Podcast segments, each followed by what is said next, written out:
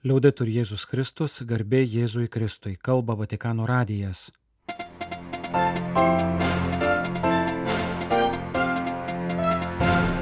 Malonus klausytojai šioje programoje.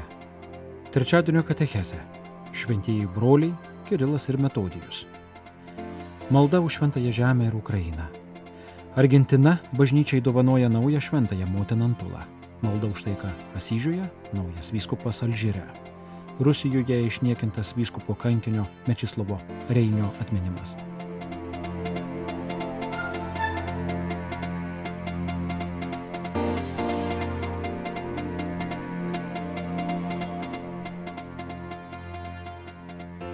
da essere chiamati gli apostoli di Slavi, i santi Cirillo e Metodio. Spalio 25 dienos bendrojoje audiencijoje popiežius Pranciškus tęsė katechezių ciklą apie apaštalinį uolumą ir klausytojams pristatė du žymiuosius, ypač rytų tradicijoje brolius, nusipelniusius slavų apaštulų titulo - tai šventieji Kirilas ir Metodijus.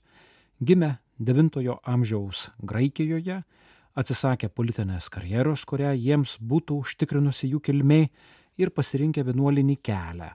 Vis dėlto jų svajonė apie nušalų gyvenimą ilgai netruko. Broliai kaip misionieriai buvo pasiusti vadinamai Didžiosios Moravijos regioną. Galima pridurti, kad šis regionas apimė kai kurias dabartinės Čekijos, Slovakijos, Lenkijos, Vengrijos žemės, galbūt dalį dabartinės Serbijos, Rumunijos, Ukrainos teritorijų, kuriuose gyveno, kaip yra iki šiol, įvairios slavų tautos bei gentys. Dalis jų katechezėje priminė popiežius Pranciškus buvo evangelizuotos, o dalis dar ne laikėsi pagoniškų papročių ir tradicijų. Jų kunigaikštis paprašė atsiųsti ką nors, kas galėtų išaiškinti krikščionišką tikėjimą jų pačių kalba.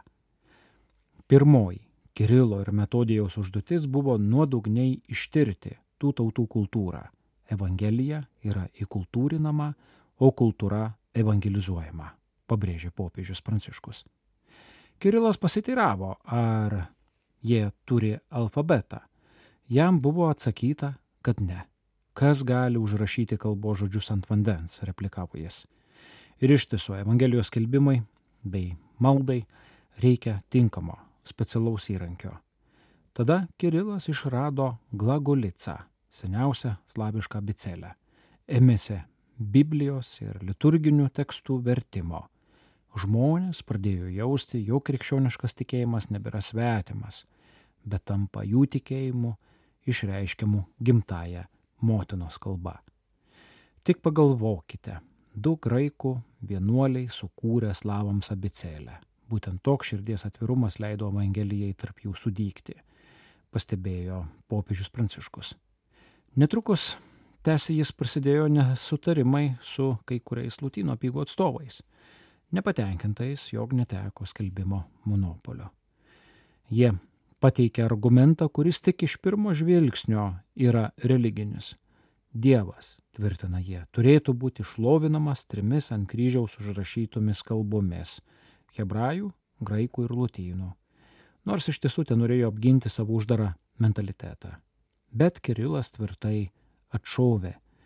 Dievas trokšta, kad kiekviena tauta jį šlovintų savo kalbą.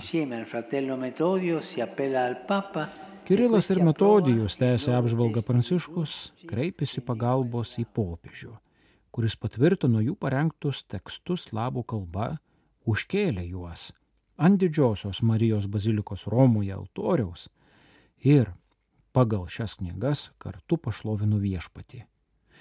Kirilas po kelių dienų mirė ir jo relikvijos iki pačių dienų yra gerbiamos Romoje Šventojo Klemenso bazilikoje.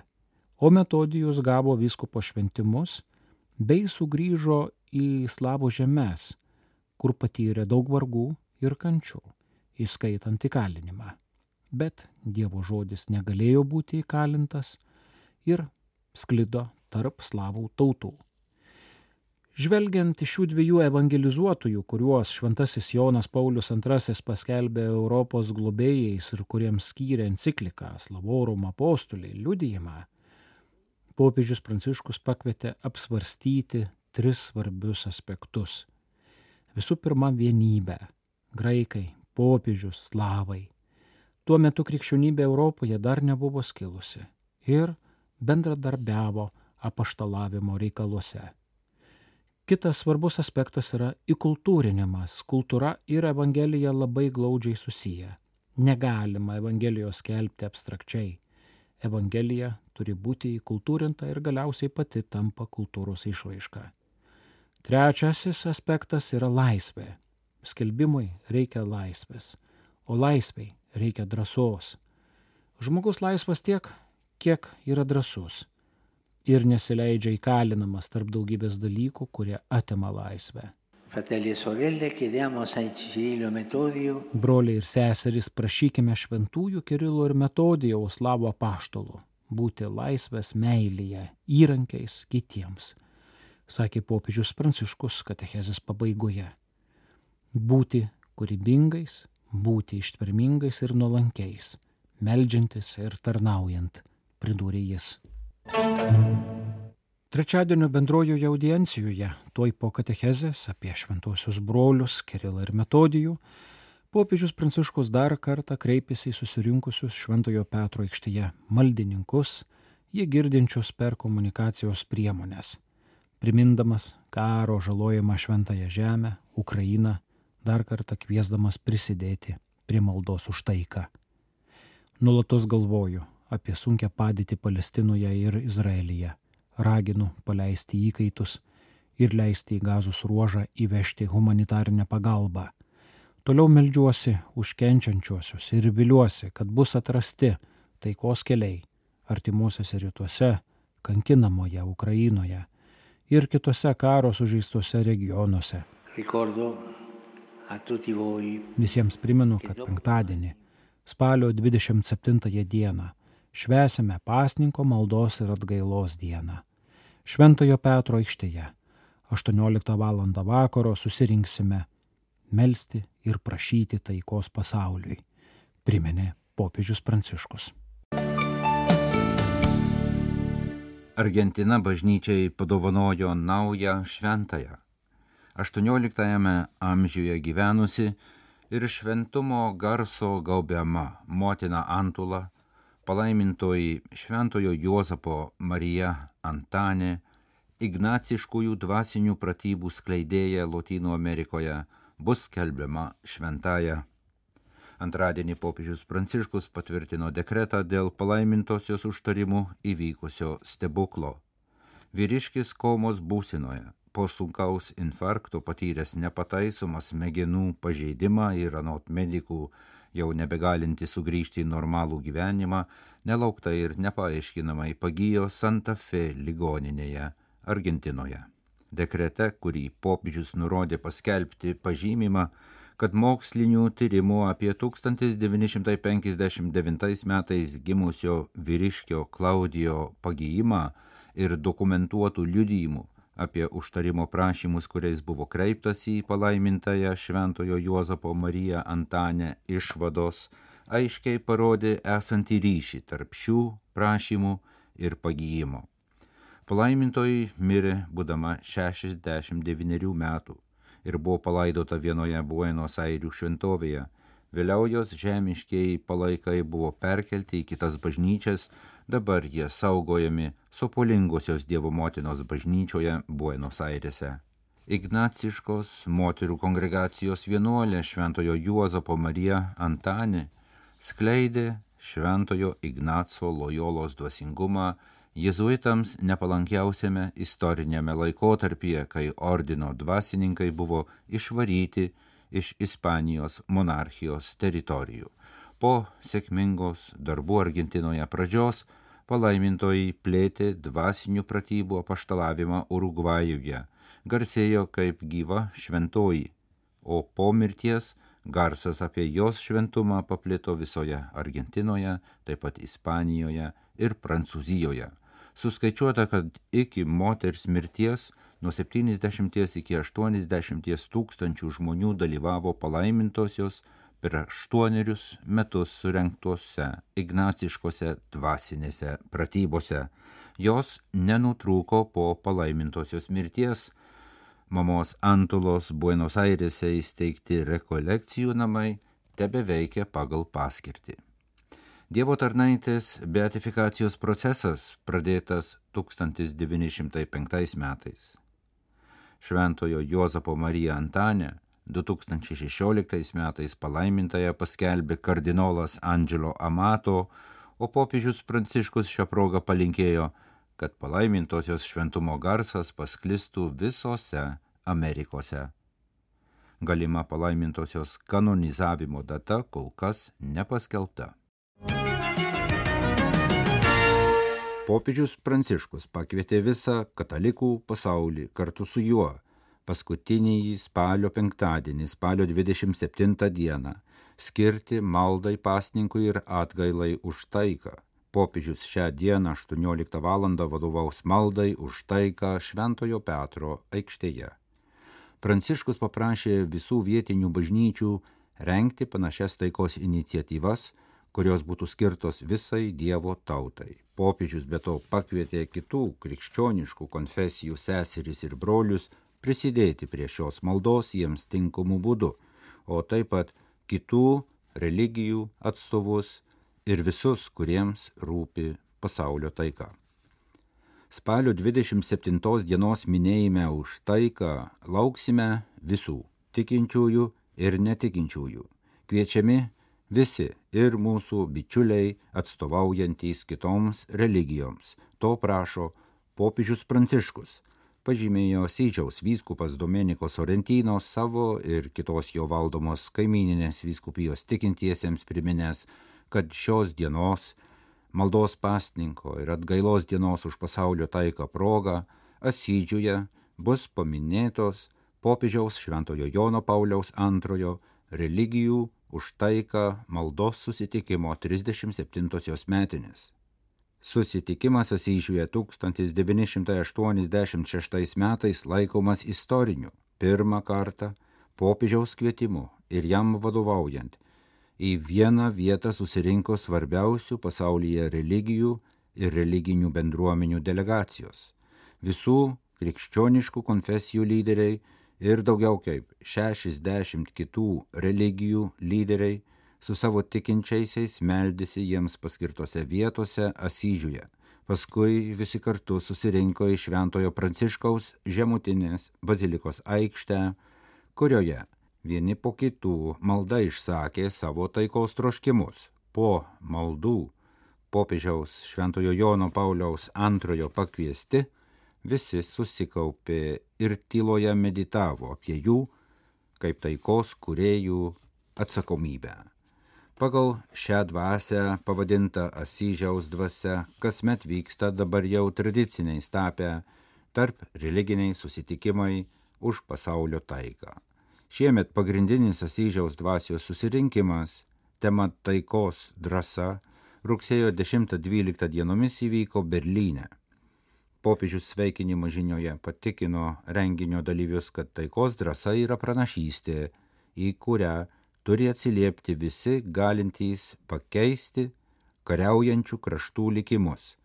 Tarptautinė bendruomenė, visi mes, ypač tikintieji vyrai ir moterys.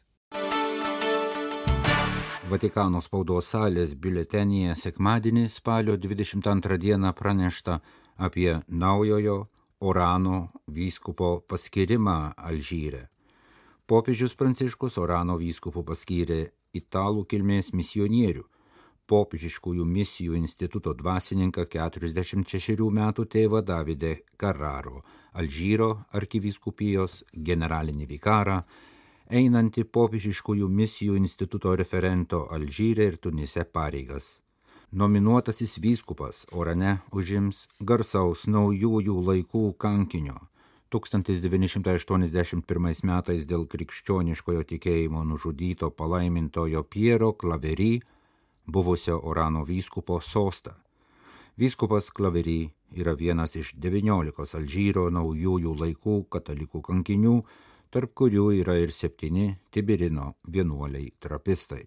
Naujasis Orano vyskupas Davide Kararo filosofiją studijavo Italijoje, teologiją Filipinuose ir arabistiką Egipte.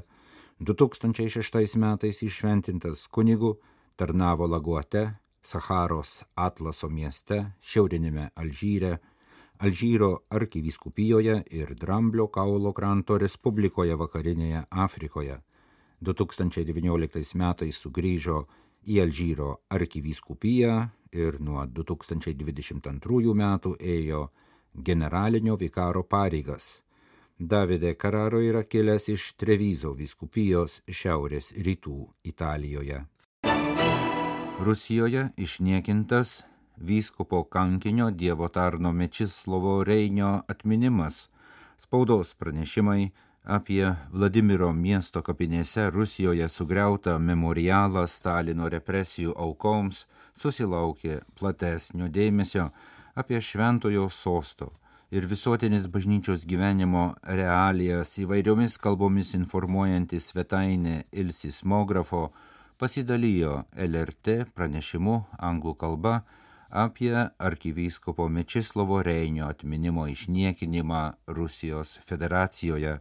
Pranešime informuojama, kad Lietuvos vyriausybės užsienio reikalų ministerija buvo iškvietusi Rusijos ambasados patikėtinį, kuriam buvo įteikta protesto nota dėl memorialo paminklinės lentos skirtos arkivyskupo Mečislovo Reinio atminimui įamžinti išniekinimo. 1953 m. lapkričio 8 d. Mečislovas Reinys mirė liūdnai pagarsėjusiame Vladimir Central kalėjime neišaiškintomis aplinkybėmis ir buvo palaidotas nepaženklintame bendrame kape Vladimiro miestelio kapinėse. 1947 metais jis buvo suimtas Vilniuje ir nuteistas aštuonerių metų kalėjimu bausmę atliekant Vladimire už 200 km į rytus nuo Maskvos.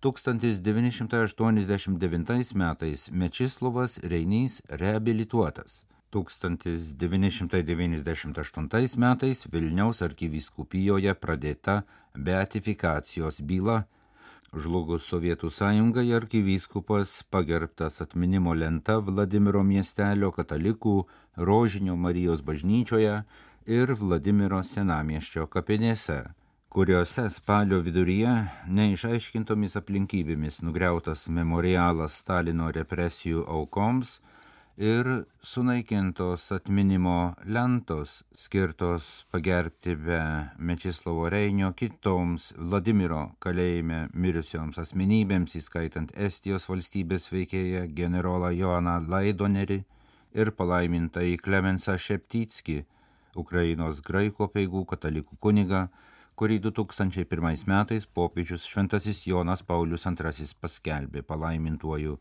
apie Rusijoje per pusantrų metų padažnėjusi paminklų ir atminimo lentų sovietinių represijų aukoms naikinimą, išsami informacija pateikta ir Azijos misijų pasaulio naujienų svetainėje Asia News.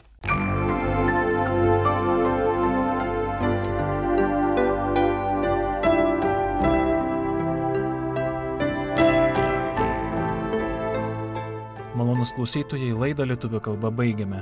Kalba Vatikano radijas. Garbė Jėzui Kristui, liaudai turi Jėzus Kristus.